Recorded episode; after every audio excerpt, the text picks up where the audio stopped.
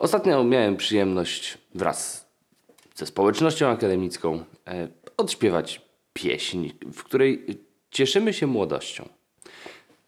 To jest takie zjawisko e, w edukacji dość e, hmm, powtarzalne i popularne. My się cieszymy z tego, że nasi uczący się są młodzi. Ale dlaczego?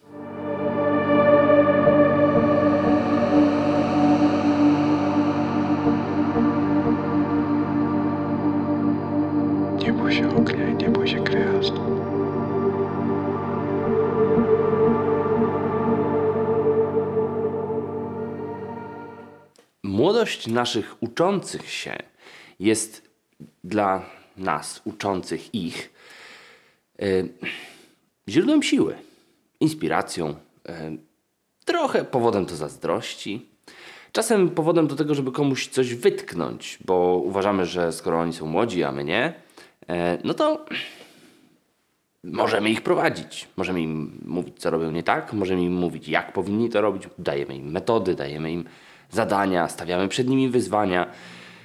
I ta ich młodość, często nawet połączona z jaką, jakąś wdzięcznością, e, napełnia nas i powoduje, że jesteśmy, mm, no właśnie, pełni ich energii.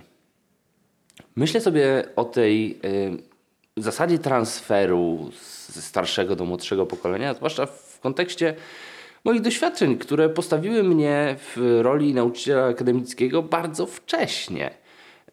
Już grube parę lat temu stawałem przed y, słuchaczami studiów podyplomowych w dość kłopotliwej sytuacji, bo byłem w sali zwykle najmłodszy. Dziś już y, hmm, taką nostalgią myślę o tych czasach, bo już nawet jeśli na sali są osoby hmm, starsze niż byśmy się tego mogli spodziewać, osoby, które na przykład nie poszły studiować od razu po maturze albo studiują już któryś kierunek, no to już nie mam tej, y, tego problemu, że jestem najmłodszy. E, natomiast e, bardzo często ta, e, ten wiek zaczyna być dla mnie powodem do tego, żeby się zatrzymać. Żeby pomyśleć o tym, czy ja przypadkiem nie prowadzę moich zajęć w taki sposób, żeby sobie tą cudzą młodość skraść.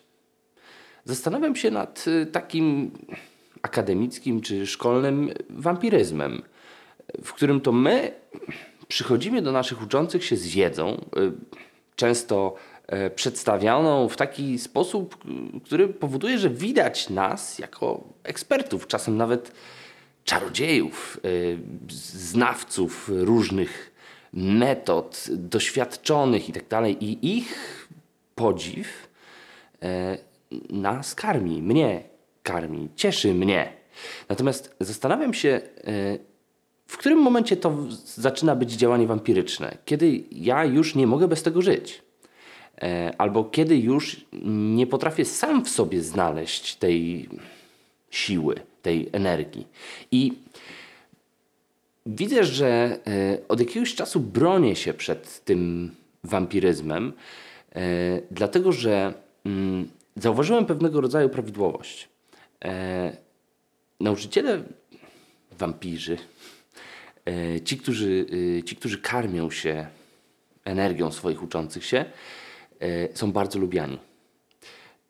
No bo oni wzbudzają tą energię. Oni wzbudzają właśnie podziw, zachwyt, ale przez to ich absolwenci mają później trudność w poradzeniu sobie w świecie, w którym tych nauczycieli już nie ma. E, czyli to są bardzo ważne więzi, które trwają w trakcie uczenia się, ale po wyjściu są niepraktyczne, no bo już się nie spotykamy, już nie jesteśmy w stanie e, za każdym razem zapytać, a jakby pan, pani to zrobił, zrobiła. Więc myślę sobie o tym, że ten, e, to bycie porwanym przez cudzą młodość uziemia i nas, i ich. Nas uziemia w taki sposób, że my przestajemy koncentrować się na tym, co trzeba powiedzieć, co jest ważne, e, często trudne i często wymagające, no bo nie chcemy stracić tego tej energii, tego podziwu, tego, mm, tej przyjemności z bycia z, y, z uczącymi się. I w końcu myślę sobie, że e, ten transfer energii powoduje, że e, jeżeli my jesteśmy uzależnieni od jakiegoś źródła energii, to jesteśmy bezsilni wtedy, kiedy ono się kończy. To znaczy, jesteśmy pełni energii wtedy, kiedy stoimy na środku sali e, i mamy jej kompletnie zero wtedy, kiedy wchodzimy do domu. E, tryskamy energią przez 10 miesięcy w roku, a potem przez dwa miesiące jesteśmy dętką, bo nikt na nas nie patrzy, bo nikt nie karmi naszej energii. E, to, jacy jesteśmy, jest uzależnione od innych. I ja absolutnie nie mówię, że powinniśmy przygotować się do tego, żeby żyć całkowicie samowystarczalnie na wypadek, gdybyśmy kiedyś wylądowali w sytuacji, w której nie ma ludzi, albo jesteśmy ostatnim człowiekiem na świecie. To jest raczej mało prawdopodobne. Natomiast istotna jest znów samodzielność w tym, żeby samemu e, wybierać to, co jest dla nas ważne, to, co chcemy powiedzieć, to, co chcemy pokazać, to, czego chcemy nauczyć. Nawet kosztem tej energii. I zaczynam dostrzegać też to, że y, oddalając się od energii, którą mogę sobie ukraść, którą mogę sobie podwędzić y, moim uczącym się, y, zaczynam czuć, że wyzwanie samodzielnego wytwarzania tej energii do działania jest trudne. Wymaga na przykład wysiłku fizycznego. Czegoś takiego, co jakby nie do końca kojarzy się z rolą nauczyciela. Wymaga tego, żeby wcześniej rano wstawać, żeby brać wiele różnych zadań, które będą e, dostarczały nam doświadczeń z różnych dziedzin. Tak, żebyśmy potrafili zmotywować się nie tylko do tego, żeby stanąć przed grupą ludzi, ale też, żeby zrobić inne rzeczy. Nie chcę za bardzo mówić o sporcie, bo nie jestem tutaj żadnym autorytetem, ale na przykład wybrać się do e, filharmonii i posłuchać czegoś nowego i zastanowić się, co ja o tym myślę. Nie tylko tam usiąść i dać się zobaczyć, że byłem, tylko pomyśleć o tym, co słyszę. Pomyśleć o tym, co widzę na ulicy. Pomyśleć o tym, co widzę w, w telewizorze. Powiedzieć sobie samemu o tym, co myślę o mieście, w którym jestem, o moim miejscu dla tego miasta. E, poza tym warto spotykać się z osobami, które nie są nauczycielami i niekoniecznie rozmawiać z nimi o tym, jak to jest być nauczycielem. Więc myślę sobie, że e, energia powstaje, energia, y, y, którą bym nazwał napędem psychicznym, jakąś taką y, siłą, za którą idzie działanie. E, bo nie chciałbym tego spłycić i powiedzieć, że to jest motywacja. E, zatem ta energia powstaje w kontakcie z czymś. Człowiek zawieszony w próżni nie ma energii, bo jej nie potrzebuje. I to świetnie pokazują badania e, na przykład e, australijskiej e, ludności rdzennej. Aborygenie nie robią dużo. E, nie muszą. E, nie, nie ma takich wymagań. Wtedy, kiedy jest takie wymaganie, to oni stają na wysokości zadania, bo mają gdzieś tam tą swoją energię skumulowaną i uwalniają ją wtedy, kiedy ona jest potrzebna. Natomiast gdyby ktoś przyjechał studiować ich obyczaje, to oglądałby głównie siedzących ludzi. W związku z tym energia powstaje w kontakcie z czymś. Natomiast e, tak samo to, co przychodzi z zewnątrz, w związku z tym, że przychodzi, już jest napełnione jakąś energią, to też w nas wzbudza coś, co jest ekwiwalentne do, do tej energii, z którym to coś przychodzi. Zatem to tak jakby dwie siły miały się spotkać z tą samą no, termodynamika i tak dalej. Zatem można szukać takiej metafory w nas. I myślę sobie, że e, my bardzo często patrzymy na to, jak sytuacje wzbudzają w nas energię, a nie przyglądamy się temu, jak energia powstaje w nas, gdy jesteśmy w jakichś sytuacjach. Przyglądamy się sytuacji, a nie sobie.